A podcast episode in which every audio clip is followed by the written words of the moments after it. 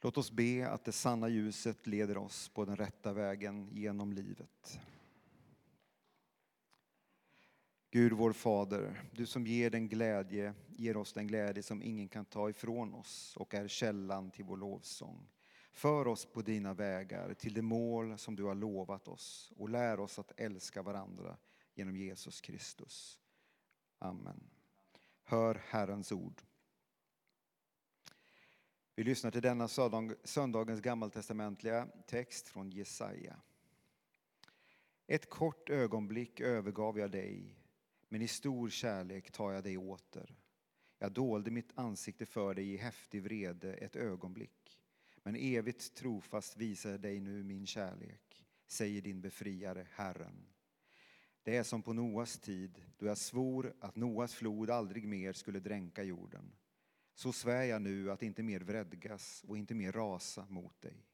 Om än bergen rubbas och höjderna vacklar ska min trohet mot dig inte rubbas och mitt fredsförbund inte vackla, säger han som älskar dig, Herren. Så lyder Herrens ord. Gud, vi tackar dig. Vi lyssnar, lyssnar till denna söndagens episteltext från Andra Korinthierbrevet.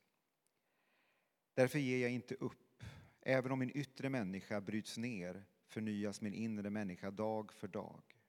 Mina kortvariga lidanden väger ju oändligt lätt mot den överväldigande eviga härlighet de bereder åt mig som inte riktar blicken mot det synliga utan mot det osynliga.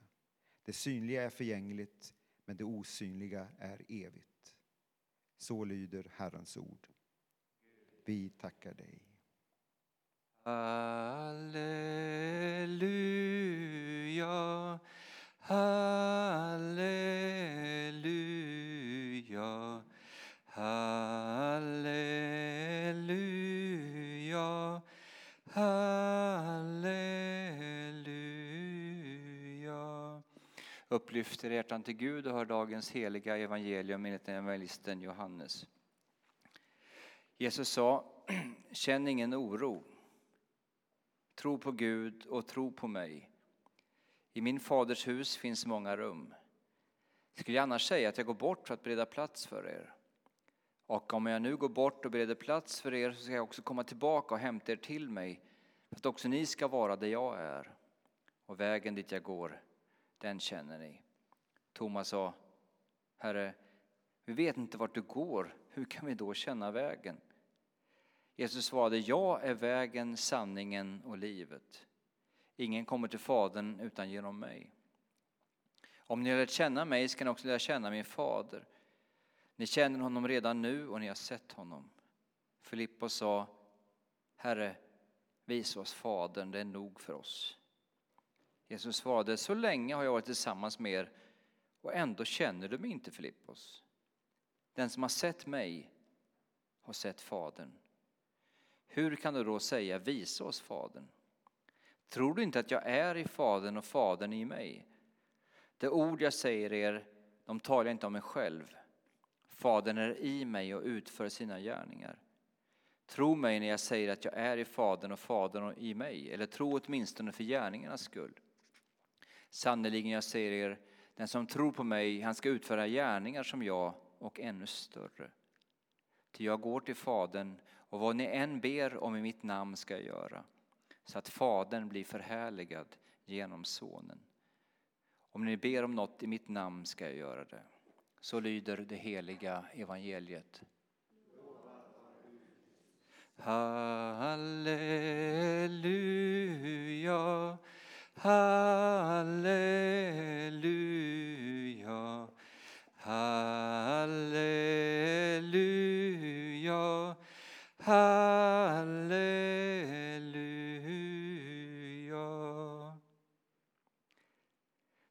Därför ger jag inte upp, säger Paulus. Det här är andra gången i samma kapitel som han uttrycker detta. I första versen i kapitel 4 säger han När genom Guds barmhärtighet har, jag denna, har denna tjänst ger jag alltså inte upp. När man betraktar Paulus liv så förstår man nog att han kämpade ganska rejält med den här ska man säga, prövningen, frestelsen, tanken på att ge upp, att göra någonting annat. Paulus liv var ju ingen framgångssaga. Vi kanske föreställer oss att utifrån gamla bilder att det är en lyckad apostel. Han fick ju vara med och sprida evangeliet till många platser i Europa, grundade många församlingar, skrev dessa fantastiska epistlar som Romarbrevet, Första Korintierbrevet, Efesierbrevet, Filipperbrevet och så vidare. Men jag tror att när han tittar på sitt liv under sin livstid så tyckte nog han att det mesta gick honom emot precis efter sin omvändelse. Han kom ju från att vara en ganska mäktig person med auktoritet ifrån makthavarna i Jerusalem att kunna fängsla de kristna. Så får han ändå fly på ett förnedrande sätt. Hans lärjungar hissar ner honom i en korg vid Damaskus eh, stadsmur. Man undrar ju vad han tänkte när han hängde där mellan himmel och jord. Vad har jag gett mig in på egentligen? Var det så här det skulle vara att följa Jesus. Han var ifrågasatt av extremt betydelsefulla personer i den mest imponerande och ledande församlingen i dåtidens kristna värld, nämligen Jerusalem. Och de församlingar han grundade, där mötte han opposition. Där mötte han människor som sa att Nej, men du är ingen riktig apostel. Du förkunnar inte rätta evangeliet. Han var ju kallad att vara apostel, att sprida evangeliet till hela världen. Men mest satt han ju instängd i en cell, begränsad, avskuren från omvärlden utan att ha möjlighet att kunna vara den missionär han hade kallats till. Och I hans livs värsta prövning, så de närmsta medarbetarna, de svek honom. Och när han försöker beskriva sitt liv jag har läst det många gånger innan här, men jag läser det igen. Jag tror det kommer upp på, på väggen här. Så säger han så här. Jag har arbetat mer än de flesta, suttit i fängelse mer än de flesta, fått prygel i övermått, ofta riskerat livet. Av judarna har jag fem gånger fått 40 minus ett slag. Tre gånger har jag slitit spö, en gång har jag stenats, tre gånger har jag lidit skeppsbrott. Ett helt dygn har jag drivit omkring på öppna havet. Ofta har jag varit ute på resor, utsatt för faror i floder, faror från rövare, faror bland landsmän, bland hedningar, faror i städer, i öknar och på havet, faror bland falska bröder. Jag har arbetat och slitit och ofta vakat. Jag har svultit och törstat och ofta fastat. Jag har frusit och varit utan kläder. Till allt annat kommer det som trycker mig varje dag. Mina bekymmer för alla församlingarna. Ingen är svag utan att jag blir svag. Ingen kom på fall utan att jag prövas som i eld. Vem av oss hade inte gett upp i det här läget? Vad känner, vad känner ni? Och kanske är det, som jag nämnt flera gånger här, djävulens främsta vapen emot oss. Att i oss ingjuta känslan, det är ingen idé. Det spelar ingen roll det vi gör. Vad är det för mening med allt? Vi är ju så få. Kyrkans antal i Sverige går ju brant neråt oavsett vilket samfund vi än tittar på. Det verkar inte hända så mycket heller, vare sig i mitt liv eller i ditt liv eller i andra människors liv. Kanske ska man ägna sin energi åt något annat. När Paulus i slutet av sitt liv funderar på hur går det för mig nu?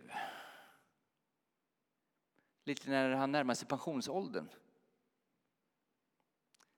Där jag snart är. Då skriver han så här.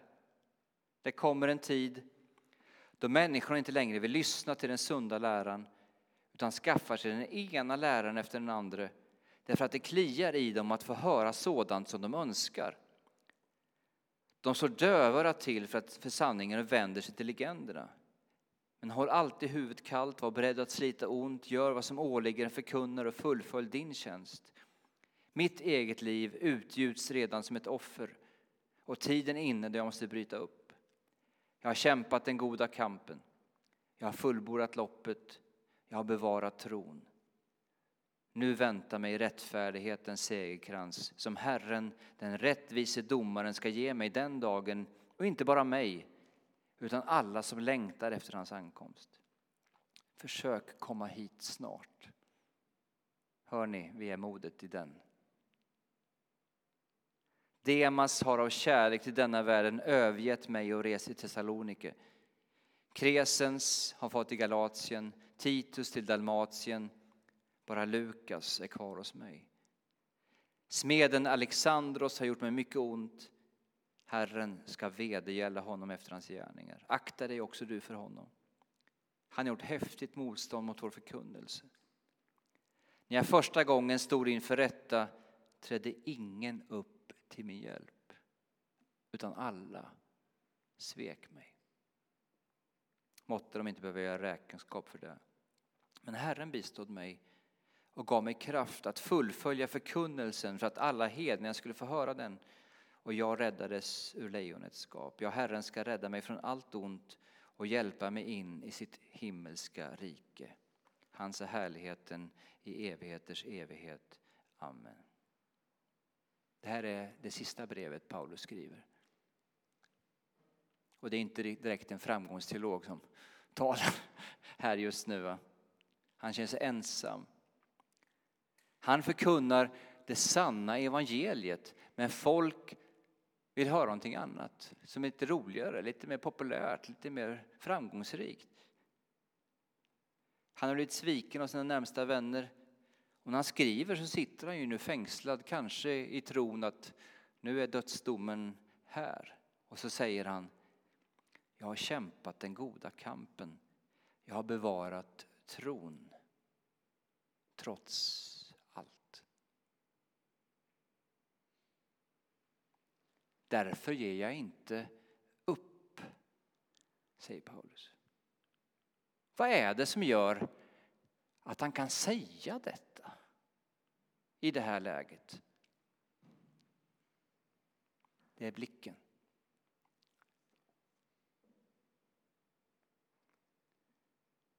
Han säger i dagens epiteltext, vi som inte riktar blicken mot det synliga utan mot det osynliga. Den yttre människan bryts ner men min inre människa förnyas dag för dag. Och det här har ju allt för ofta missförståtts. Som att det viktigaste är det andliga. Och vårt andra liv, alltså vårt riktiga liv, är ganska oväsentligt. Nej, Paulus har en judisk förståelse av människan det kroppsliga och det andliga är lika viktigt för Gud. Gud kom för att återlösa vår mänsklighet, inte för att göra oss till änglar. Däremot inser han att det liv vi lever nu är förgängligt och kommer en dag ta slut. För många, många år sedan så fick vi eh, någon sån här eh, informationsblankett från myndigheterna. Det stod så här, om du dör. Det säger lite om hur man ser på tillvaron. Om du dör, det är en hundraprocentig säkerhet. Vi kommer att dö. Och då blir frågan, vad kommer att bestå? Vad är värt att investera i?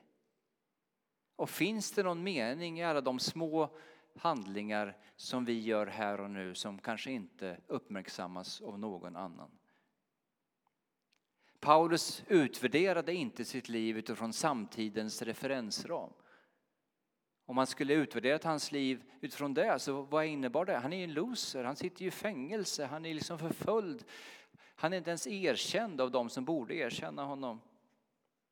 Men han såg sitt liv i ljuset av Kristi uppståndelse. Och om vi tror att Gud i Kristus har besegrat döden och denna världens makter, så får vårt liv en helt ny mening. Och allt vi gör, i stort som smått, har ett evighetsvärde.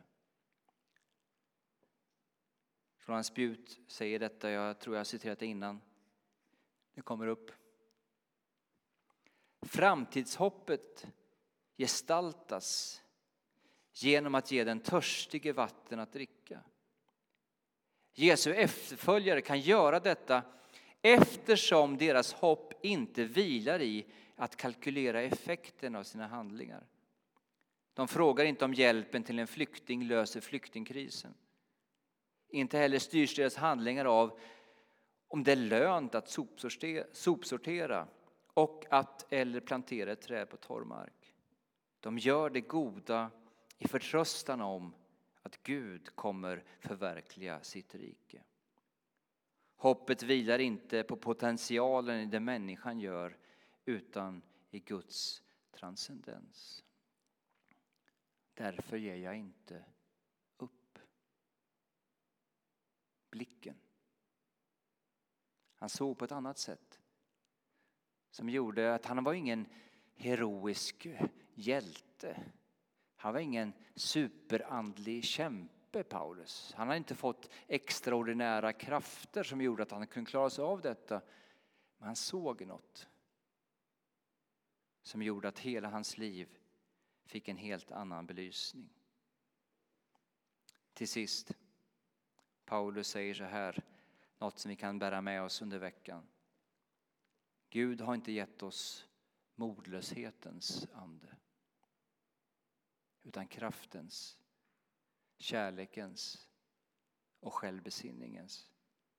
Skäms alltså inte för vittnesbördet om vår Herre och inte heller för mig som är fånge för hans skull utan lid för evangeliet du också med kraften ifrån Gud. Ära vare Fadern och Sonen och den helige Ande nu och alltid och i evigheters evighet. Amen. Halleluja.